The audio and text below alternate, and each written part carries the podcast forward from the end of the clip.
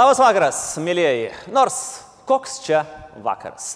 Atkurtai Lietuvos Respublikai sukanka šimtas metų ir kaip valstybei tai dar tik ankstyvas rytas. Švenčiame kartu su visa Lietuva ir kada, kur ir kaip mus bežiūrėtumėte, tai yra speciali šventinė laikykitės ten laida. Netgi sakyčiau, išeiginė laida. Ypač man, nes prie įprasto stalo šiandien mane pakeis septyni nauji vedėjai. Puikus ir nusipelnę savo sričių specialistai. Šventiškai nusiteikę ir su šypsena jie ves jūs per šimtą atkurtos Lietuvos metų. Tikėkime, kad mūsų pasirinktas formatas nebus etiškai bevertis, kaip nustato kultūros komiteto pirmininkas, lengva nebus, ypač žinant, koks ekspertas stebės ir vertins vedėjų pasirodymus. Žodis jums, gerbiamas Jonai. Sveiki, laisvės TV žiūrovai. Nežinau, kas yra TV, bet laisvės TV man patinka. Dar čia manęs prašė kaip patriarcho pasakyti, kad galit prenumeruoti ir paremti ją Patron platformai. Mano laikais prenumeruoti nelaisvė, o aušra su varpu. Tad ir leiskite grįžti. Tada buvo šeštadienis. 30 minučių po vidurdienį.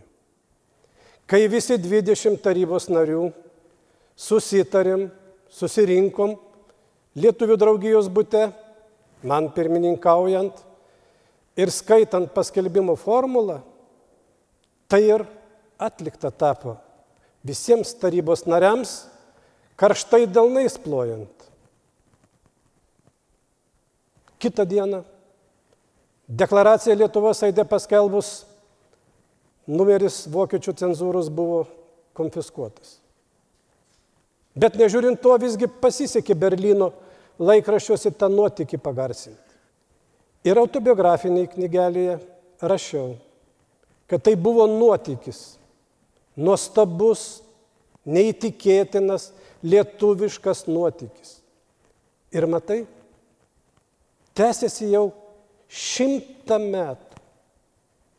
Na papasakot, mylostus. Papasakokit. Kaipgi čia jums sekėsi? Aš paklausysiu.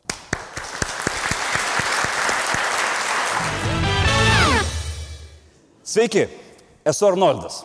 Taip, tas pats, kuris kiekvienoje nuotraukoje šypsosi taip, tarsi ES parama į Lietuvą tekės iki pat 2220 metų. Mano darbas skleisti ir ginti Europos idėją Lietuvoje.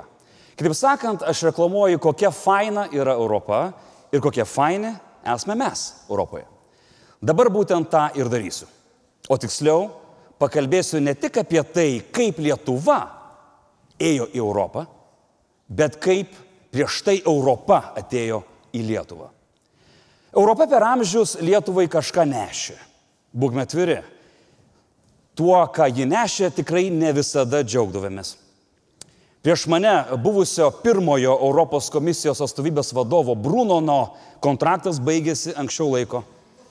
Tiksliau, vos prasidėjęs. Urichui von Jungingenui, kuris Grunvalde planavo daugia šalės darybas dėl Europos paramos Lietuvai ir Lenkijai, irgi nepaėjo. Apskritai, Europos dėrybininkams sekėsi sunkiai. Jie lyg ir pasodindavo lietuvius prie dėrybų stalo, kažką pasirašydavo, o po to Vytautas viską išmesdavo pro langą ir apsimesdavo nieko neturėjęs. O jeigu tai buvo Krievos pilis, tai ir pats iššokdavo. Nes lietuviai prie stalo valgydavo, o dėrėdavosi medžioklėse. Šios tradicijos tik dabar pamažu atsisakome. Ir pagaliau su Petru Užtrevičium Europai kažkaip lengviau sekėsi susikalbėti. Na, bent jau su vienu Petru Lietuvoje kažkaip galima susikalbėti. Po nesėkmingo kryžiuočių ordino bandymų įsiūlyti mums plyno lauko investicijas, vėliau Europa taktiką pakeitė. Matyt, kažkas iš PR konsultantų patarė, kad į Lietuvą geriau eiti ne su kardu, o su pinigais. Na, žinoma, ir su vertybėmis. Gal Gedimino laiškai truputį pavėlatai atėjo. Žinot, Lietuvos paštas. Bonas Forca atnešė į Lietuvą kvapnę itališką duoną. Napoleonas atgabeno civilinį kodeksą. Jėtvyga krikščionybė. Dar gavom buboninį marą ir neblogas naudotas vokiškas mašines. Hashtag Audi Forever. Škotai į Lietuvą pinigus vežė nuo 17 amžiaus. Ir atvažiavo ne futbolo žiūrėti, o įkūrė rimtą škotų koloniją, kurgi Kedainėse. Labai gali būti, kad ten ir įsikūrė vis dėlto pirmasis Lietuvoje McDonald's.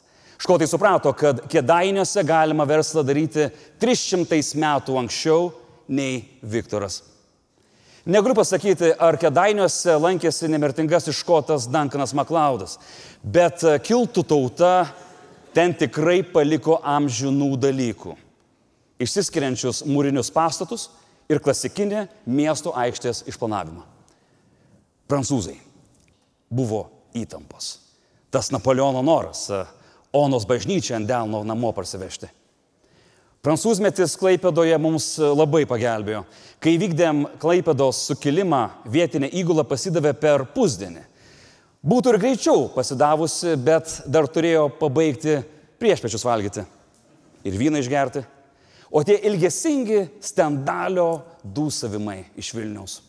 Pro tauragę dardančio Balzako laiškai mylimai ir keturi nuostabus Eduardo André parkai bei vadinamasis prancūzparkis Vilniuje. Tiesa, vieną parką suniokojom, kitą nusipirko kiguolis, bet nieko tokio. Jei bus ES paramos, susitvarkysim. Italai ne tik išsiveždavo mūsų šviesaplaukės, bet 17 amžiuje atvežė profesorių Tomaso Rygi, kuris sukūrė didingas arkikatedros skulptūras. Lenkai Gal net nepradėkime apie Lenkus, nes nepabaigsime iki ryto. Bet verta prisiminti Stanislavą Narutavičių. Bičą, kurį net daktaras Basanavičius vadino vienu pagrindiniu nepriklausomos Lietuvos architektų. Net jo broliui tapus Lenkijos prezidentu ir santykiams šiek tiek pašlyjus, jis išliko kuo tikriausiu Lietuvos patriotu. Tik jis turėjo vieną problemėlę dvigubą problemėlę. Dvigubą V. Pavardė. Nes būtent tai pasirašė ant nepriklausomybės akto. Deja, kai kas tos raidės ir šiandien bijo labiau negu įstatymo raidės. Šveicarai. Iš Šveicarijos čia atvyko Josef Ehei, vėliau tapęs Juozu Eretu Jakaičiu, ne Jakilaičiu, nors irgi žurnalistas, mokslininkas, literatūros istorikas, dėstytojas, naujienų agentūros Elta įkūrėjas. Gerai, kad jis taip ir nesužinojo, kuo vėliau tapo Elta. Europietiško gyvenimo ir europietiškų vertybių lietuviai patys važiuodavo pasižiūrėti, išmokti ir parsivežti Lietuvą. Taip į Paryžių išvyko poetas Juozas Tysleva, aktorius, vėliau tapęs mano mylimo panevežio teatro vadovas Juozas Miltinis. Europa ir Lietuva maišėsi gerokai ilgiau nei šimtmetį. Ypač čia pasireiškė švedai, davė mums IKEA, HM ir Gitaną Nausėdą. Šiomis e, Brexito ir kitų politinių savižudybių dienomis gal ir kebliau apibriežti tą bendrumą, bet mes vis dar jaučiamės gerai. Ne tik dėl paramos europinių vertybių ar saugumo, jaučiamės didelės šeimos dalimi. Juk dažnoje šeimoje pasitaiko vienas kitas sunus palaidūnas. Žinot, sunkaus charakterio vaikas. Susidėjęs su netikusiais draugais. Tik palaidūnas visada sugrįžta. O blogą įtaką darantis draugas patenka į koloniją. Europa buvo mūsų kelias, mūsų kryptis. Ir ji tapo mūsų namais. Namais, nuo kurių neįmanoma mūsų atskirti net ir geležinėmis uždangomis. Eurovizijos balsavimai ir pašto perlaidos parodė, Lietuva daug didesnė. Nuo Stelmužės ažolo iki Lisabonos pakrantės. Su Europa išliksime ir daug šimtmečių į priekį. Tai neatsiejama mūsų tapatybės dalis, be kurios niekaip negalėtume turėti mūsų jaunosios demokratijos. su kuo jūs ir sveikinu.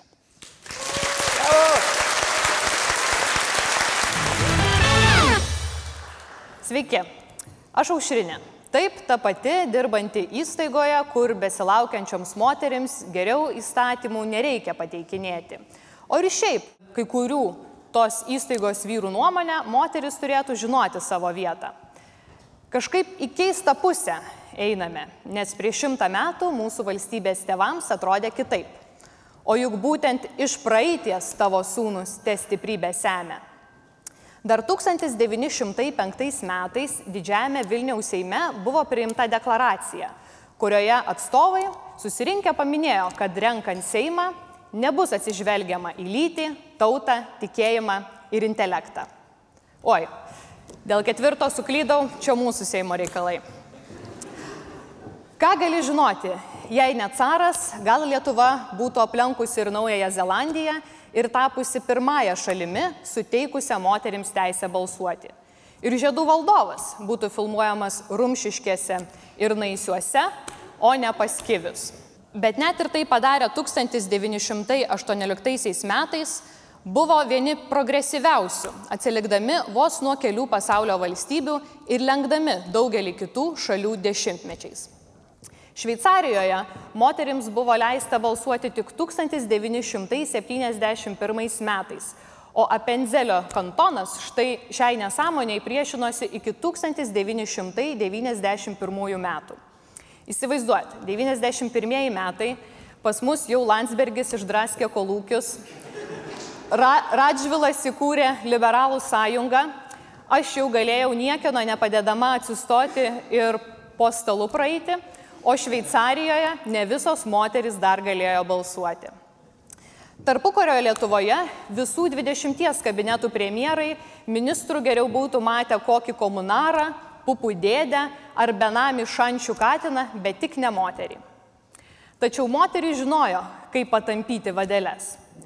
Štai buvęs Lietuvos premjeras Augustinas Voldemaras piktinosi, kad Lietuvą valdo dvi Lenkės turėdamas galvoje Antano Smetonos žmoną Sofiją ir jos seserį, ilgamečio Lietuvos premjero ir finansų ministro Juozo Tubelio žmoną Jedvygą.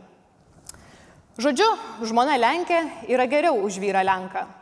Davidas Vonkus pritars.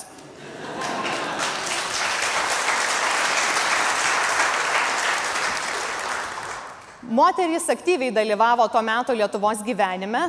1926 metais į prezidentus kandidatavo net dvi moterys. 1929-aisiais moteris atsišaukimu kreipėsi į tautą, kad Lietuva trokšta laivyno. Kreipėsi ir gavo. Lietuva turėjo vieną laivą - Antanas Smetona, kuris geromis dienomis buvo karo laivas, prastesnėmis - povandeninis. Vis tiek buvo geri laikai. Laivas ir bats prezidento vardas. O dabar, ar įsivaizduojate laivą Dale Grybauskaitė? Patrulinis laivas ir visas mėlynos spalvos. Arba povandeninį laivą Rolandas Paksas. Kokia stipri ta simbolika. O ką su moterų teisėmis Lietuvoje padarė sovietai? Lietuvoje iki pat sovietinės okupacijos nebuvo civilinės santokos, įsivaizduojat? O tuo pačiu ir skirybų. Susitokiai su Jonu, kuris ėmė gerti ir tave lupti, kentiek. Žodžiu, sovietai vedybų reikalą sutvarkė, kaip ir skirybų. O tobulos moters paveikslas buvo daugiavaikė mama. Net ir ordiną duodavo motinai didvyriai. Ir geriausia, kad tavo vaikai tiktų tarybiniai armijai. O tarp gindimų, prašom, pavartyk žurnalą Tarybinė moteris To meto glamūro etalonas valdžiai aprašydavo, kaip kepti kotletus ir mėgsti virbalais. Arba vairuoti traktorių ir kasti dobes. Kažkaip vidurio nebuvo. Sovietmečių ekspertai galėjo patarti moterims visais gyvenimo klausimais. Štai namų ūkio patarimai rašė. Po intimaus akto su žmona pabaigos jūs turite leisti nueiti į vonę jai, sekti iš paskos nebūtina. Leiskite jai pabūti vienai. Gali būti, ji norės paverkti.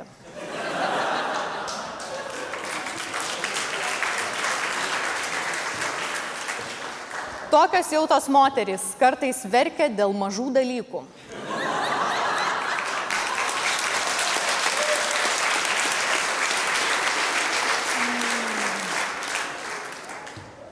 Lytiniai santykiai sovietų Lietuvoje buvo suvokiami kaip išimtinai vyro poreikių tenkinimas. Moterims tai te buvo, na, būtina sąlyga gimdyti. Tai patvirtino ir statistika. Keturiems gimdymams tekdavo beveik trys abortai. Dabar santykis vienas prie penkių. Laimiai gimusiųjų naudai. Santykis galėtų būti kur kas geresnis, jei valstybė nesidrovėtų rimtai imtis lytinio švietimo pamokų mokyklose, remiantis mokslu, o ne Agnės Širinskenės disertacija.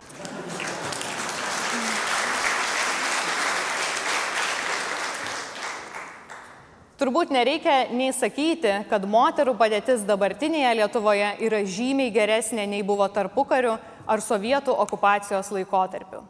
Užtenka pažvelgti į prezidentūrą ar prisiminti tris moteris aukščiausiose valstybės postuose. Galų gale faktas, kad po 20 vyriškų kabinetų pirmoji atsikūrusios Lietuvos premjerė buvo moteris, irgi daug pasako. Iš 17 e, vyriausybių tik dviejų nebuvo moterų. Aišku, 16 buvo Pitrieninė, Pabedinskenė, Vesaitė. Tai bet jos irgi stengiasi, tikrai stengiasi. Galų gale atradus Zamolski, netgi žymiausia Lietuvos bėglė yra moteris. Neringa, palikai puodą ant ugnies namuose, grįžk.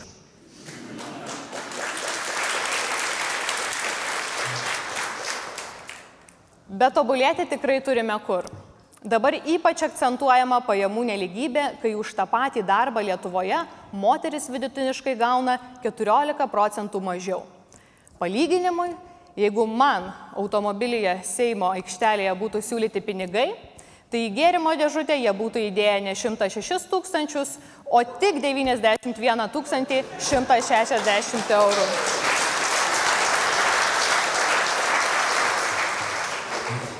Net ir 2018 metais, kai Tesla Roadsteriai skrieja į Marsą, Lietuva dar neįsprendžia diskriminacijos, seksizmo, smurto artimoje aplinkoje problemų.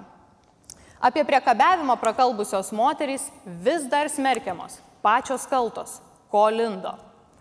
Tačiau šimtmečio proga vis dėlto galima pasidžiaugti, kad pasaulio ekonomikos forumo šalių, kur moterims geriausia gyventi sąraše, Lietuva užima 28 vietą. Belieka pagirti Lietuvos jauną demokratiją už pastangas ir palinkėti ateityje, jei nepralenkti viršūnėje esančius Islandus, Norvegus ir Suomius, tai bent jau prisivyti. Ačiū. Aušrinė.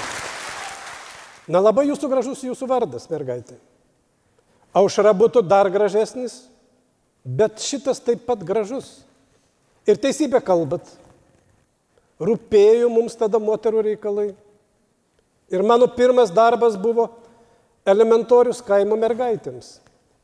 Jeigu mergaitės bus raštingos, tai ir savo vaikus netrukus nors prie ratelio lietuviškai pamokyti galės.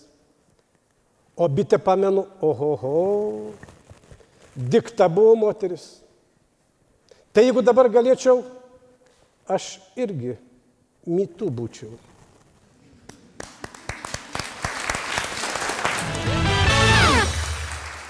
Sveiki, aš ministras Sinkevičius. Na taip, žinau, žinau, kad daug tokių. Aš ūkio ministras Sinkevičius. Gerai, žinau, žinau, kad ir tokių daug.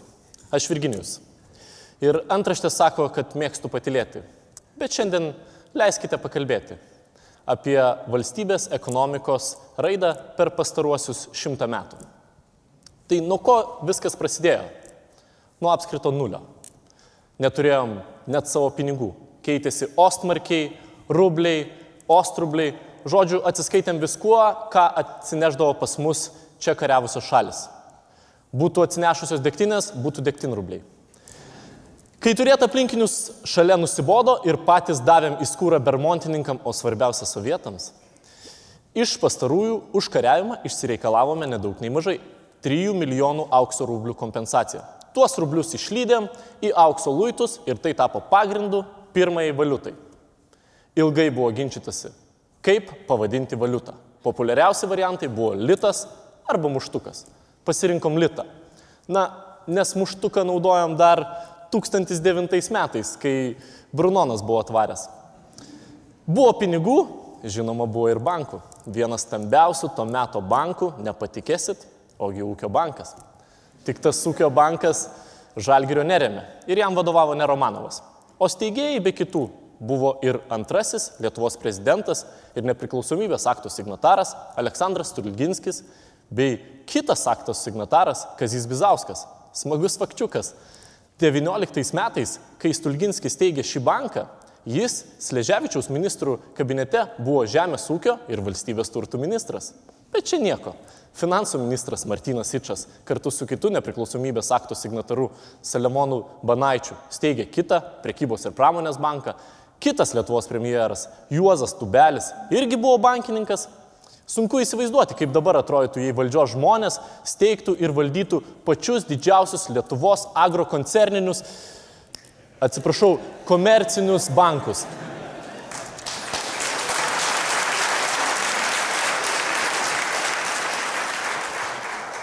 O dar prisiminus vieną didžiausių tarpukario centralinį ūkininkų banką. Eh, svajonė ne bankas. Įsivaizduokit, aš ir ministras, ir bankos teigėjas. Ir šviesa, ir tiesa. Na, jokauju, ne kažką. Žengiam čia mes į priekį fantastiškai toli. Pas mus net bankininkas dirbantis švedams gali tapti grėsme nacionaliniam saugumui. Nes jis yra tuo pačiu nėra kandidatas ir yra kandidatas į prezidentus. Pasaulis turėjo Šrodingerio Katiną, o mes turėsime Nausėdos kandidatą. Lietuva tarpukario metais padarė, nebijokim to žodžio, ekonominį stebuklą. Buvo vieni iš stambiausių žemės ūkio produkto eksportuotojų Europoje. Didžiausia eksporto partnerė buvo Vokietija. Bet atėjus Hitleriui į valdžią teko persiorientuoti. Istorija kartojasi, Putinui atėjus į Krymą tas pats Iš pradžių niurzgėjom, kad sviestų tepsim tankų vamzdžius. Lietuvos kariuomenė tankų neradom, bet žemėlapyje atradom Kiniją bei kitas sviesto ir pieno gerybių ištroškusias šalis. Į Angliją, Norvegiją ir Ispaniją eksportavom žmonės. Apsidairėm, kad patiems trūksta. Ir plus partijos programoje žadėjome stabdyti emigraciją. Išduosiu paslapti. Pabandymui vasarą uždarėme Vilniaus oro uostą. Atseit taką remontavom.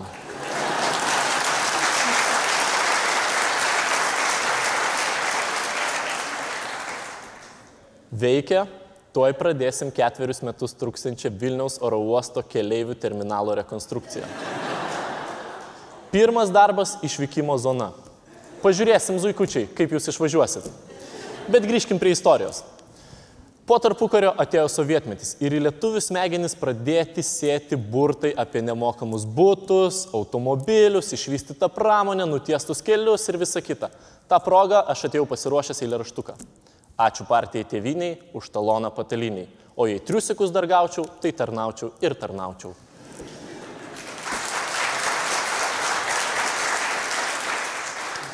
Tai sakau kartą ir visiems laikams neviniodamas į vatą. Prie ruso geriau nebuvo. Prie ruso buvo daug vėliavų ir tą progą dar vienas eilėraštukas.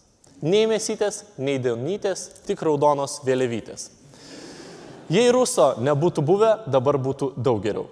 Kodėl? 20 amžiaus pirmoje pusėje turėjom geresnės startinės pozicijas nei Suomiai. Pažiūrėkime dabar. Suomiją lenkiam tik krepšinė ir alkoholio suvartojime. Tik nesekmadieniais.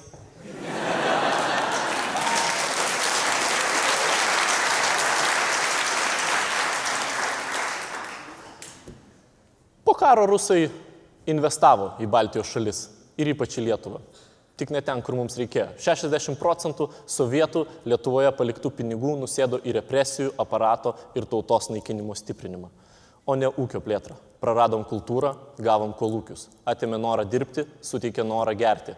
Much profit. Reikia tikėtis, kažkada baigsim svaigti, kad prie ruso buvo gyventi geriau. O kaip gyvenam dabar? Objektyviai žiūrint, geriau nei bet kada kitų laikotarpių. Priklausome tvariausiai ekonominiai bendryjai. Gyvename atviros priekybos pasaulyje. Pritraukiame investicijas, auginame BVP ir tuo pačiu nesame laimingi. Čia turbūt yra ir mano kalties, ir visų mūsų kalties. Bet noriu tikėtis, kad ką prieš metus vienas Sinkevičius pradėjo, kitas Sinkevičius prates su triguba energija. Kad nebūtų gėda ir man pačiam, ir mūsų jaunai demokratijai. Ir tegu sėkmė mūsų žingsnius te lydi. Ačiū.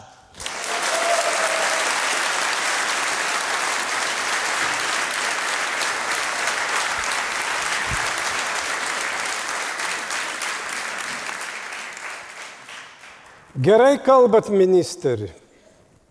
Jaunas dar vaikėzas, o žiūrėgis protingas.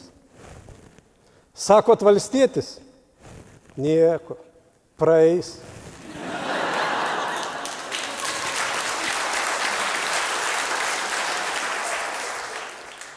Ūkiui reikalingas pinigas. Žinau, pats ant jo buvau. Kad nuėmėt mane nuo lito, tai gal nelabai gerai. Varanui irgi pinigus rinkau. Sakau, apmokestinkit turistus atvažiuojančius. Bus pinigų ir buvo. Tik ministeri atsargiai reikia. Va, mano brolius sunus irgi Jonas. 18 vaizdą užsiminėjau, vežė arklius į prūsus ir brangiau pardavinėjo. Tai pagavo prūsų policija, arklius konfiskavo, o jį patį stalupienų kalėjimą uždarė. Bet jūs valstiečiai ten prigyvulį. Tai gal žinot, ką darot?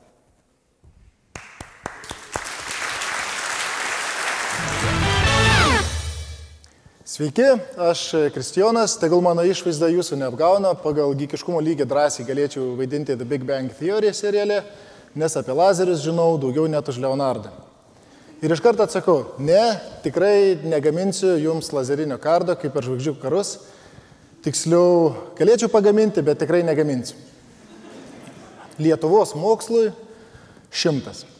Frazė skambanti kaip biudžeto eilutė arba kaip tostas Bet šiandien tai rimta ir tikra. Lietuvos mokslui šimtas metų. Nuo ko viskas prasidėjo? O prasidėjo nuo jų, nuo signatarų. Daugiau nei pusė jų buvo mokslininkai, bet vien pamatų neužtenka. Padoriai infrastruktūrai reikėjo daug darbo. Startinės pozicijos tiesiog apgailėtinos. Nieko nepadarysi. Carinės okupacijos metais Lietuva buvo visiška mokslo provincija. Tai ir pradėti viską reikėjo nuo pradžių. Pirmas sėkmingas darbas - švietimo pertvarkos. Nes į mokslo pasiekimus sunkiai gali taikytis, kol kas antras valstietis skaityti nemoka. Ir net tai nėra iliuzija į dabartinę valdžią, jokių būdų. Prasidėjo mokyklų steigimas, vadovėlių leidimas, įtvirtintas privalomas bent pradžios mokslas. Valstybės kūrimas yra kaip lazeris, jis turi šviesti. 20 metais Lenkams užėmus Vilniaus kraštą netekom vienintelio Stepono Batoro universitetu. Įsivaizduokit, vagis nuvaro vienintelį šeimos opelį. Ką darot? Pasispaudžiat, pasistengėt ir nusiperkat Volkswageną. Panašiai buvo ir padaryta. 20 metais Kaune pradėti aukštieji kursai. 22-aisiais jie pertvarkyti į Lietuvos universitetą, kuris nuo 30 metų vadintas Vytauto didžiojo vardu. Turi Lietuvos universitetai fetišą keisti pavadinimus. Tikrai turi. Panašios tradicijos laikosi ir Lietuvos policijos akademija. Dar žinoma kaip Lietuvos teisės universitetas. Dar žinomas kaip Mykolo Riomerio universitetas. O galėjo keisti pavadinimus pagal filmus. Policijos akademija, Policijos akademija pirmoji užduotis, Policijos akademija vėl apmokymuose.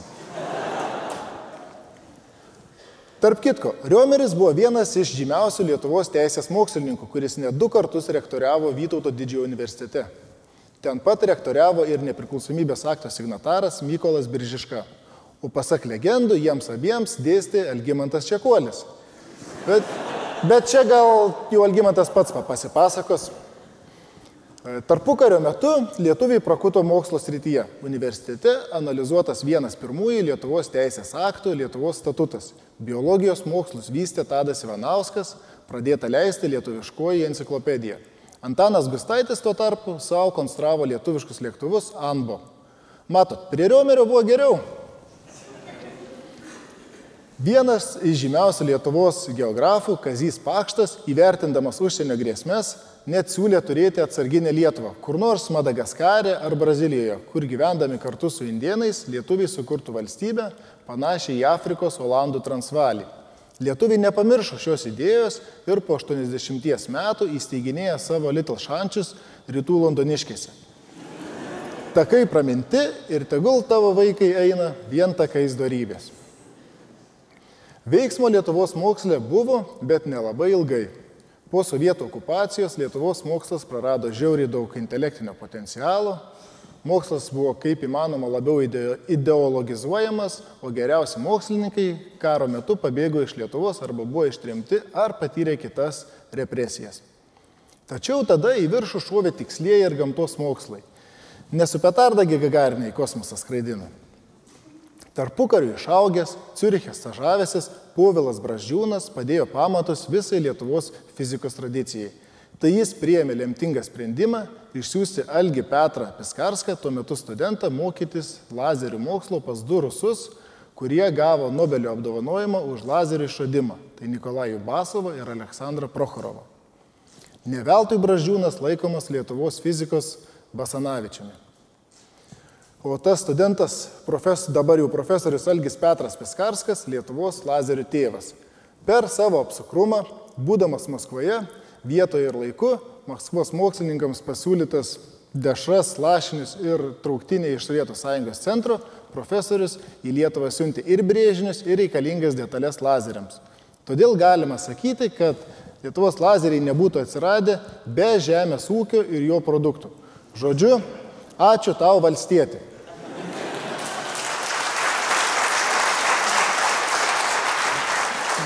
Tai davė pradžią Lietuvos lazerių pramoniai, kuri dabar dešimtmečiais lenkia savo rusų protėvius. Jei Povilas Braždžiūnas yra fizikos Basanavičius, tai Elgis Petras Piskarskas vienareikšmiškai visiškas lazerinis sabonis. Taip pat antroji kryptis - biotehnologijos rovė į priekį sovietmečiu. Profesoriaus Arvido Janulaičio dėka ir vien dėl jo Vilniuje atsirado fermento institutas bei buvo padėtas pamatas biotehnologijų pramoniai. Jei ne Janulaitis, beje, šiandien profesorius Šikšnys nebūtų buvęs per ištiestą ranką nuo Nobelio premijos. Realiai tai reikėjo stverti ir bėgti. Švedams nebūtų buvęs pirmas kartas, kai lietuviai tai daro. Buvo ir fantastiškų mokslininkų išeivijoje. Pavyzdžiui, Algirdas Julius Greimas ir jo semiotika. Tiems, kas nežino, semiotika tai lingvistikos rytis, tyrianti ženklų struktūras.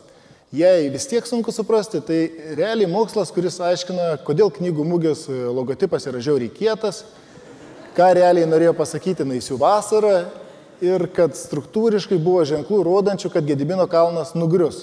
Na, kažkaip panašiai. Mes fizikai tai ženklais nelabai tikim.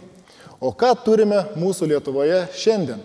Ogi turim fenomenalią situaciją, kai gaudami minimalius finansus, neįvertinti ir nelabai mylimi, Lietuvos mokslininkai sugeba pavaryti ir tarptautinėje erdvėje koja kojon eiti su kitų šalių mokslininkais.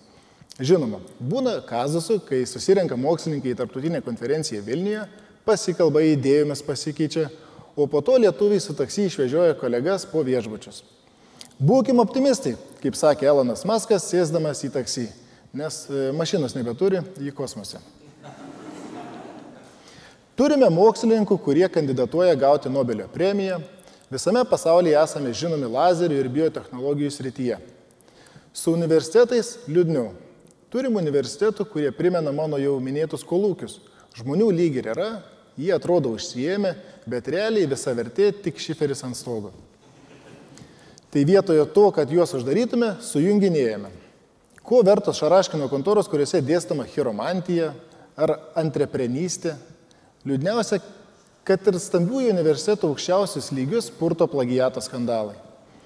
Bet vilties yra, Vilnius universitetas pasaulinių reitingų viršų yra traukiamas fizikų, kurie pasaulyje užima 200-250 poziciją, na, biotehnologų ir žinoma filologijų, kurios paskui save, kaip ir visada, traukia fizikus.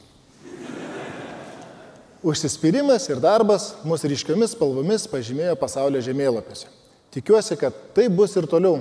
To ir linkiu mūsų jaunai demokratijai.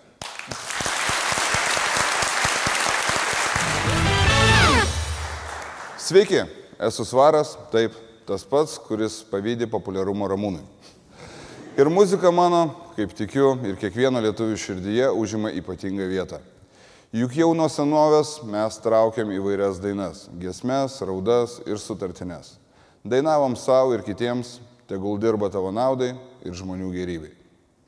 Tiesa, prie dabartinės valdžios sutartinai traukiam beveik vien tik raudas, bet jei kada ateitų geresni laikai, turėtume iš ko rinktis. Profesionaliai muzikuojam nuo 14 amžiaus, kai Gedimino dukra Aldona išsivežė į Krokovą būrį muzikantų ir tai vis dar didžiausias Lietuvos muzikantų pasirodymas Lenkijoje. Aišku, ne openeris, bet, bet vis tiek. Vytauto laikais ordino didysis magistras siuntė į Vytauto dvarą savo muzikus ir atvirkščiai. Čia toks viduramžių Spotify buvo.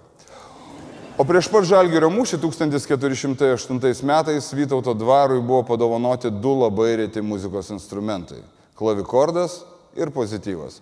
Toks instrumentas, kuriuo turbūt nieko negatyvaus negalima pagroti. Nu, Ramūnai jau patinka. Mūsų muzika visada buvo šiek tiek orientuota į vakarus. Bonas Forca į Lietuvą netgi atsivežė italų muzikantų grojusių valdovų rūmų kapeloje. Kapelai, nu, kai pamastai, kaip, kaip siūlo Seimo narys Dainius Kepenis, tai realiai duodam garą nuo 16 amžiaus. O štai prie caro Lietuvos muzikinis gyvenimas merdėjo. Vienintelis kelias į muzikinę veiklą buvo vargonininko profesija. Iš karto, op. Čia panašiai, jei sumastęs pasistatyti namuką, turėtum iš karto statyti devyną O sumanęs paplaukiot valtelę, iš karto varytum į nacionalinę ekspediciją. Nu, už mokesčių mokėtojų pinigus, aišku. Toks liūdnesnis. Taigi visą XIX amžių ir XX amžiaus pradžioje lietuvių muzikos kuriejai beveik be išimčių buvo išaugę iš vargonininkų šeimų. Galbūt tai paaiškina tą reiškinį, kad Lietuvoje ir dabar dar pilna, pavadinkime, muzikantų, grojančių su elektroniniais vargonais, nu, jonikomis tai vadinama. Spaudos draudimo metais prie lietuviškų dainų išsaugomų prisidėjo knygnešiai. Glebiais nešė dainų ir giesmių rinkinius. Čia tokia caro metų linkomanija. Svarbi ir nemari knygnešio profesija. Štai ir šiomis dienomis knygnešiai iš Gdansko ir Malborko, Nemonų bei iš Kylio DFDS keltais slapta plukdo žurnalus su neišplėšytom alkoholio reklamom.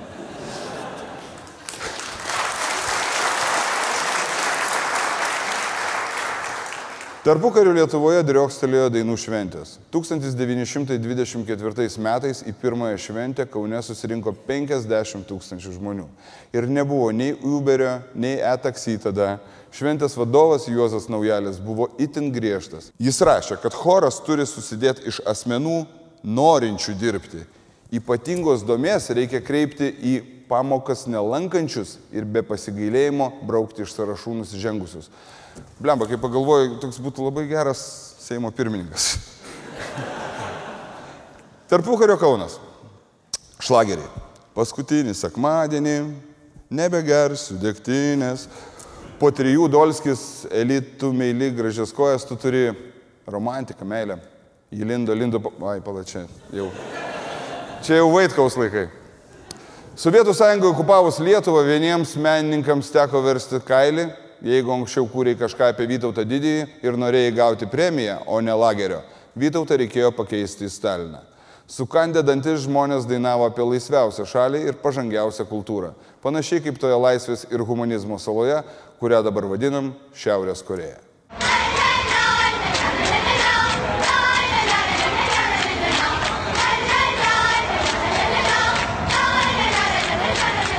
O kadangi Sovietų sąjunga alkoholio pramonė išlaikė karinę pramonę, tai mėnesio gale po Algadinio dainuodavo visa Lietuva. Buvo ir dėjusi ant tokios tvarkos. Mūsų partizanai ne tik kovojo, kad galėtume dainuoti tai, ką norime, bet ir patys dainas kūrė. Dzukijos kaimuose partizanų dainos sudarydavo keturis penktadalius visų dainų repertuaro, o likusi penktadalį sudarė gerkit sviečiai, ulevokit, namų neminėkit. Už partizanų dainas šalindavo, sodindavo, veždavo, bet mes vis vien dainuodavom. Dainos prasiverždavo ir pro geležinę uždangą. Partizanas Juozas Lukša, rizikuodamas gyvybę į užsienį, gabeno šusnį partizanų dainų. Kai prasidėjo atgimimas, Partizanų dainos suskambo iš naujo, skambėjo vis garsiau ir garsiau, jas išnešiojo permainų vėjas, jas pasigavo jaunas ir senas, šalia greudėjo roko maršai, o mes stovėjom kaip stovi laisvė, vyrėjom kaip eina laisvė. Ir dabar vėl galime dainuoti, ką norime, bet jei dainuosime su šiktai prastai, tai žmonės juoksis. Ir galime priiminėti įstatymus, kokius norime, bet jei priiminėsime įstatymus su šiktai prastai, tai žmonės irgi juoksis. ir nieko negalėsit padaryti.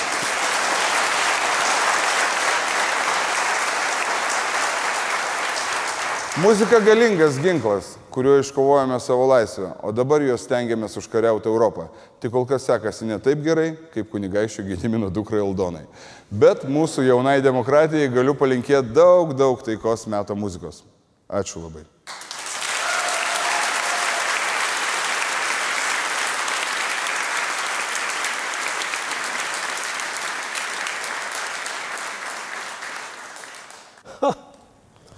Su tom dainom tai visai būdavo. Pamenu, dar paauglys buvau ir mirė Karalkrėslio dvaro arendatorius, ponas Šabunevičius. Nelabai mes jį mėgom. Tai kaip per oškabalius neši, dainavom kiek galėjom. Oi, čizna naša, vilkas pona nešė, nešė per aglyną, sudraskė jam klyną, muzika, kuri gina.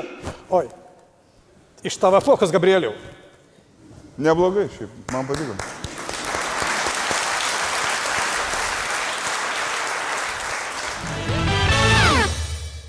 Sveiki, esu Milda Valčiukaitė. Kaip ir dera mano pavardė, esu irkluotoja. Europos ir pasaulio čempionė, o olimpinėse žaidynėse esu laimėjusi bronzą. Be abejo, laimėjau ne viena, su savo porinkė Donata Vištartaitė. Tik po olimpinių žaidynių man teko ieškoti naujos porininkės, kadangi Donata tapo karalienė. Gerai, ji tiesiog ištekėjo už karalius, su kuo ją ir sveikinu. Bet pakalbėkime apie sportą. Mūsų vienyje sportas, trispalvė, valstybingumas, pergalės ir tas daiktas, apie kurį dabar nebegalima šnekėti. Nors patikėkit, tas daiktas, apie kurį negalim šnekėti, jis nieko nevienyje. Sakom, sportas, pergalės ir mintyje turim krepšinį, bet juk visas Lietuvos šimtmetis yra tarsi visų sporto šakų pinė. Kaip Ramūnas Višniauskas esame puikų sunkumų kilnotojai. Sovietmečių pakėlėm tiek sunkumų, kiek nefiksuoja jokios rekordų lentelės. Ir netgi neturėjom tų keistų baltų miltelių, kuriais sunkiatlečiai tepasi rankas. Kaip airinė palšytė esame puikų šuolininkai į aukštį, nes ištrūkę iš sovietinio pragaro per nepilnus 300 metų atlikome netikėtinai didelį šuolį visose gyvenimo srityse. Ir ne tik į aukštį.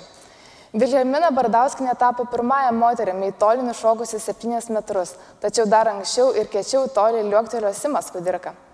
70 metais peršokęs į sovietų į amerikiečių laivą jis pagerino visus pasityčiamą iš Sovietų sąjungos rekordus.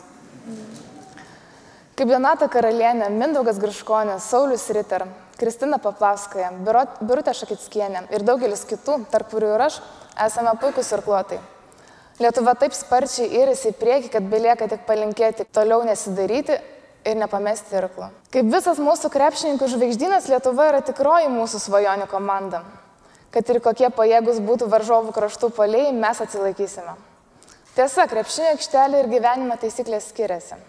Gyvenime žingsniai yra nieko blogo. Svarbu, kad jie būtų į priekį. Taip skiriasi ir varimo taisyklė. Varimas į priekį gerai, varimas vienas ant kito nelabai. Dvigubas varimas visai prastai. Nors kai kurie mūsų politikai ir valdininkai tikrai būtų verti nesportinės pažangos. Be sporto neįsivaizduojame valstybės istorijos. 1924 vasaros olimpinėse žaidynėse Paryžiuje mūsų futbolo rinktinės vardininkas buvo Stepanas Darius. Netgi buvo išleistas įstatymas, kad kokia bebūtų rinktinė, joje privalo būti Darius. Tuometinis prezidentas Algimantas Tulginsis Regis sakė, kad jeigu rinktinė gerai pasirodys olimpiadoje, Lietuvoje tikrai netrukus stovės nacionalinis stadionas. Aš tik už...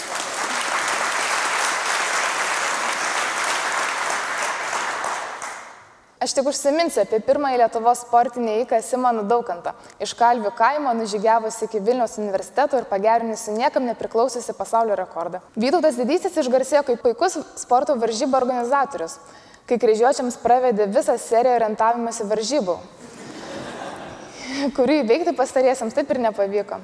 Ir jau tada galėjome skanduoti - žalgiris, žalgiris.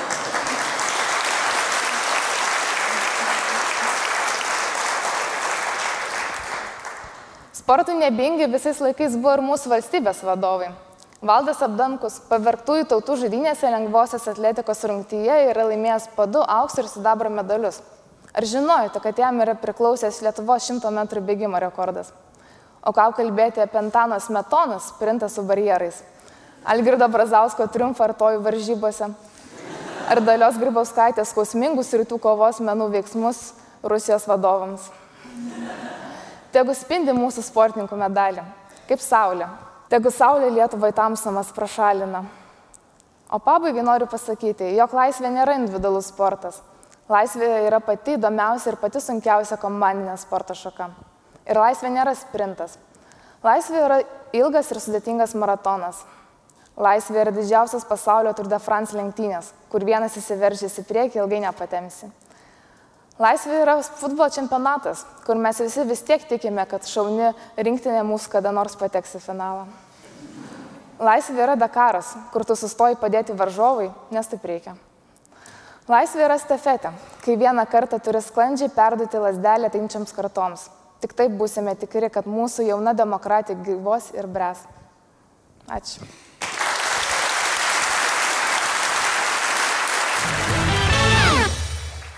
Sveiki, tikrai labai malonu Jūs matyti po, metų pertraukos. Aš esu Algybantas ir iš karto noriu paneigti gandą, kad vasario 16 aktą iš tikrųjų surašiau aš. O tie 20 vyrų tik jį pasirašė. Tai netiesa. Klausit, kaip gyvenu? Ačiū, neblogai, krūtų. Pildau savo asmeninį blogą kaip jis ten vadinasi, mano blogas, Wikipedija rodos, ne?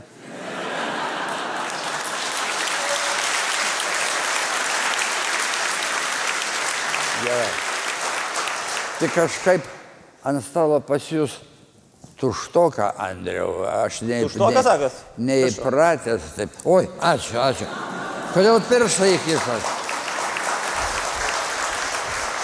O va, kaip tik to ir truko. Kai aš gimėjau Lietuvoje jau buvo metų. Atrodo beveik aišku, kas mes, ko norime būti ir kur norime eiti. Tada jau mažai kas bekalbėjo, kad mes esame kilę iš Robėnų, kurių vadas Palebonas. Pabėgo iš Sidovijos Romos, nusikraustė iki pat Nemono ir tada įkūrė Kauną. Nu, kaudiečiami tai, tai labai mėgsta. Netiesa. Pirma, Palemonas man pats paneigė apie tai. Sako, parodykit Robenę, kuris savanoriškai iškeistų kraštą, kurioje daromas geras vynas, į šalį, kurioje galima gauti baudą už bet kokio vyno paminėjimą. Ir čia. Taigi. Užteko man vieniems metams pasitraukti iš eterio ir jau chaosas šalyje. Ir trečia, kai aš gimiau, vis daugiau žmonių rėmėsi mokslu, o ne romantiškais prietarais. Ir mokytojo profesija buvo viena labiausiai gerbiamų. Sakau tai, nes pats, kaip jau minėjau, gyvenau kaimo mokytojo šeimoje. Ir galiu pasakyti, kad tada kėlių kaime, tai širvintų varščius, vietos autoritetai buvo mokytojai, o ne koks varščius viršaitis ar daug hektarų turintis Seimo narys. Taip, chaosas šitoje šalyje. Ir kai idėja e, Lietuvai reikia padaryti mokytojo profesiją prestižinę, suprantu, kad tiesiog kažkur išklydame iš kelio, apsukome didelį ratą ir grįžtame į kelių kaimą 1931 metais, kada aš atsiradau. Mane tai gazdina, nes labai bijau suvaikėti.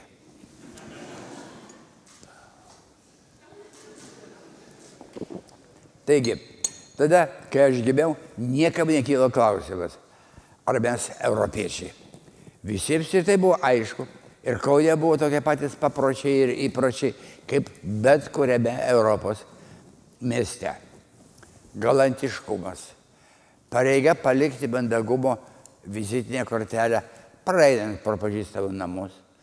Damų penktos valandos arbatėlės, aukštovės rautai ir pokeliai su frakais ir dėdėmomis. Ir atrodė, kad tai bus visada. Ne visiems žinoma. Jau laikas, kažkas iš mano kolegų minėjo Kazį Pakštą, kuris, jeigu jūs e, galite patikėti tokią ereziją, e, yra aplankęs daugiau šalių nei aš. Matydamas šalia kokių neramių kaimynų gyvename, jis pasiūlė įkurti atsarginę Lietuvą, kur nors Madagaskare ir pavadinti ją Dausuva. Aš tik priminsiu, kad Estai šį sumanimą įgyvendino ir atsarginė Estai jau įkūrė elektroniniuose debesyse klaus. Praėjus kone 80 metų. Ir netrukus bet kokia kalba apie tai, kas mes esame, kuo norime būti, kur eisime, baigėsi.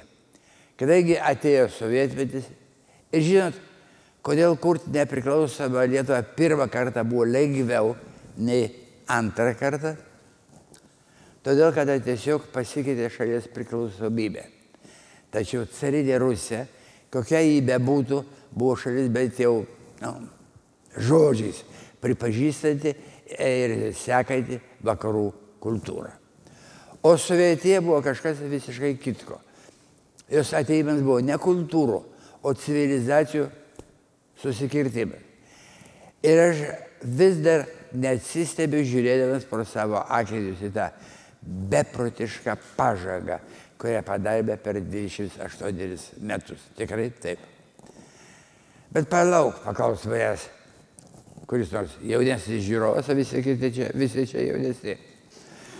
E, tu juk plaukiai vandenynuose, rašai knygas, redagavai laikraščius, matai tolimą šalis. Vadinasi, kažkas gero buvo ir tada. Mano jaudieji bičiuliai. Gero buvo tik todėl, kad nepaisai visų pastangų, iš žmogaus sunku išsunkti smalsumą, ištraukti meilę, ištrinti draugystę. Kad ir koks piktas būtų režimas, e beje, arbata tada buvo prastesnė. Hmm.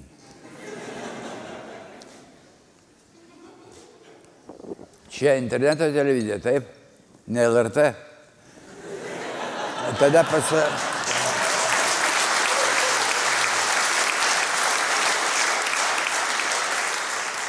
Tada pasakysiu, mėšlas buvo tada, o ne arbata. Tačiau jeigu kas nors jūsų akivaizdoje ims ir leptins, kad prie rusų buvo geriau, tiesiog atsistokite ir išeikite. Nes su tokiu žmogumi gydytis beviltiška. Jo galvoje trūksta esminio varšto, laisvės varšto. O jeigu trūksta, tai šito varšto joks atsuktuvas neprisuks. Meilės Lietuvai irgi neprisuksi į arba yra, arba ne, kaip sakė Pukotukas. Ir dar turiu, turiu pasiūlymą. Taip kaip Lenkai, e, kito, dėl kitų aplinkybių, manyčiau, kad jeigu kas nors Lietuvoje pasakys, kad per rusų buvo e, geriau, teismas jam turi duoti tris metus kalėjimo. Be teisės, be jokios, taip sakant, balonės teisės.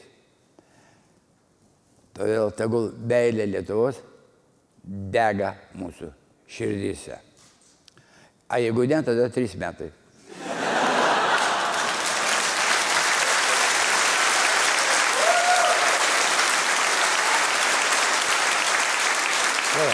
Ai. Negaišykime laiko. Yra bėdų mūsų valstybėje. Yra neteisybės. Andai darėjo auksinėme protestą sudalyvauti, tai Malinskis su Tatvinu specialistas paėgęs policijos iškvietė, kad neįsiveršio jėgą. Yra ir negerų žmonių, padlėco, kaip sakė Vaižgantas, bet gerų vis tiek daugiau. Už tai aš galiu išpranašauti ateitį iš arbatos teršių. Net jei arbata baišeliuose. Ir ateitį šios valstybės, šios mūsų valstybės, matau šviesę mes tikrai esame laisvi ir mums daug lengviau atsakyti, iš kur mes kas esame, kur norime eiti. Nes, į viską jau atsakė tie 20 šaujų vyrų prieš šimtą metų. Geriau už juos nebesugalvosi. Todėl, kad laisvė ir nepriklausomybė yra kaip šeima, kaip motina. Niekas nepasakys, man kita motina reikalinga. Todėl dar kartą noriu išgerti jūsų visų sveikatą šitos arbatos ir, ir užleisti vietą jauniems. Turi juk žmogus kada nors ir palisėti tiesą. Ačiū.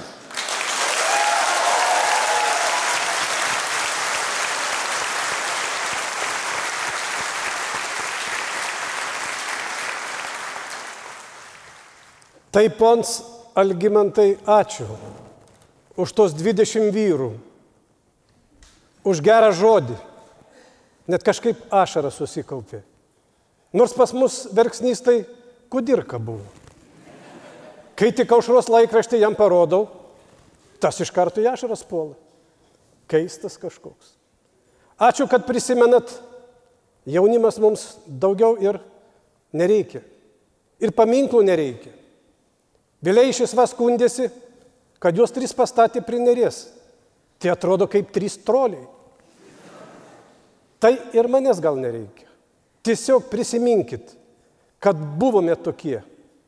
Buvo Banaitis, Biržiška, Bizauskas, Dovidaitis, Kairys, Klimas, Malinauskas, Mironas, Narutavičius, Petrulis, Smetona, Smilgevičius, Staugaitis, Stulginskis, Šauliai, Šernas, Vailokaitis, Vileišis ir aš, Jonas iš Oškabalių.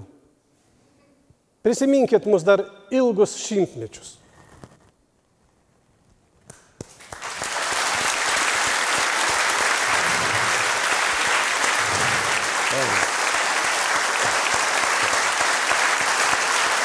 Daktarė, ačiū Jums, ačiū Jums ir ačiū tam žmogui, kurio skaičią sielą Jūs čia šiandien atstovaujate. Ačiū, ačiū Jums.